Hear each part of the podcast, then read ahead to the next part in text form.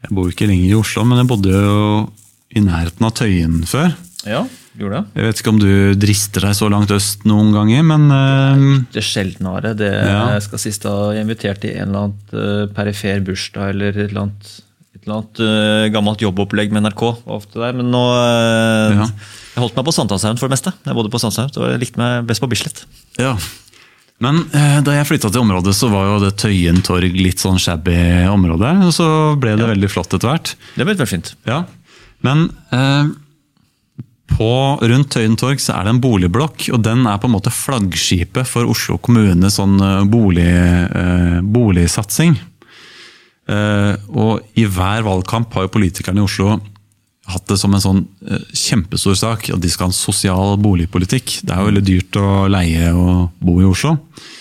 Og politikerne i Arbeiderpartiet, SV, MDG, ja, de, de skal redde, redde folk som har dårlig råd.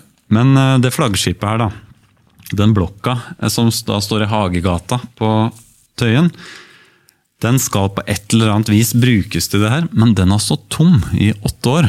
Ja, Det er helt utrolig. Jeg husker jeg du, du posta og leste. Det, Det dette er jo helt utrolig historie. Ja.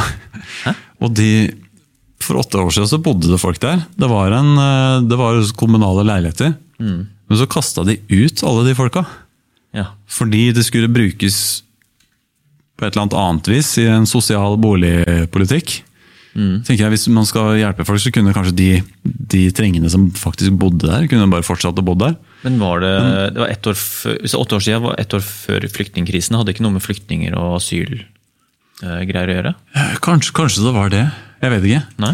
Men eh, altså De, de kasta ut de som beboerne, men de hadde ingen plan for akkurat hva den der sosiale boligpolitikken skulle være. og det har de fortsatt ikke, da. Men nå, og det her er en sånn sak som Nettavisen holder i. De, har en, de tror jeg har en kalender på det her og eh, en gang i året, og så sjekker de status. og Det blir like morsom artikkel hvert år. Eh, Status nå i 2022, etter at folk ble kasta ut i 2014, det er at de går nå inn i en forprosjektfase i kommunen. Forprosjektfase. Ja, og da neste år, i 2023, så håper de på å få en plan for hva som skal gjøres på blokka. Så de håper på å få en plan neste år. Får- At de får seg til å si det. Det er helt utrolig. At de, at de, at de eh, Ja, har mage til å si det høyt. Men la oss si at den der hadde blitt solgt til en av de der, hva er det han heter, han Tollefsen som har tusenvis av leiligheter i Oslo. Hvis han hadde fått den blokka i dag, hvor lang tid tror du det hadde gått før det, folk hadde kommet med flyttelass inn der? Et par timer. Altså, Han hadde, hadde jo sendt en gjeng som hadde pussa opp den her blokka der på to uker. Og om en måned så hadde det flytta inn folk der. Altså, det er jo sikkert folk som han hadde ville tatt en skyhøy husleie av. da. Men, eh, men, men uansett, det at en blokk står tom, er jo enda verre enn at den blir utleid dyrt. Fordi det blir jo et sånt Det, det skaper jo voldsomt press på områdene rundt. Ja. Og jeg tenkte på det, La oss si at jeg hadde vært en sånn boligkakse som hadde masse, masse leiligheter i Oslo. Hvis jeg kunne starta en konspirasjon og infiltrert politikerne Jeg kunne ikke gjort det på noen bedre måte enn enn det å bare le legge store områder død og sagt at her er det ingen som kan bo. Det skaper jo kjempepress på området rundt. Og Det er jo en av grunnene til at eh, man for ti år siden kanskje måtte betale 10 000 kroner i måneden for å leie en leilighet, som du nå må betale 20, 20 for.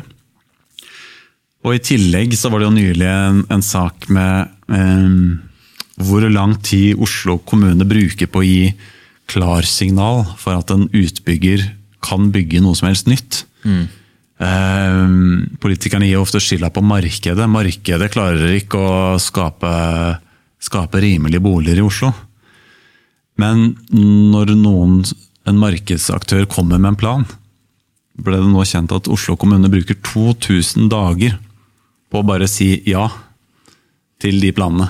Eh, Helt sinnssykt. og det, det skaper jo en enorm flaskehals med Det kunne jo vært masse flere rimelige leiligheter nå, som er bl- blitt forsinka fem-seks år.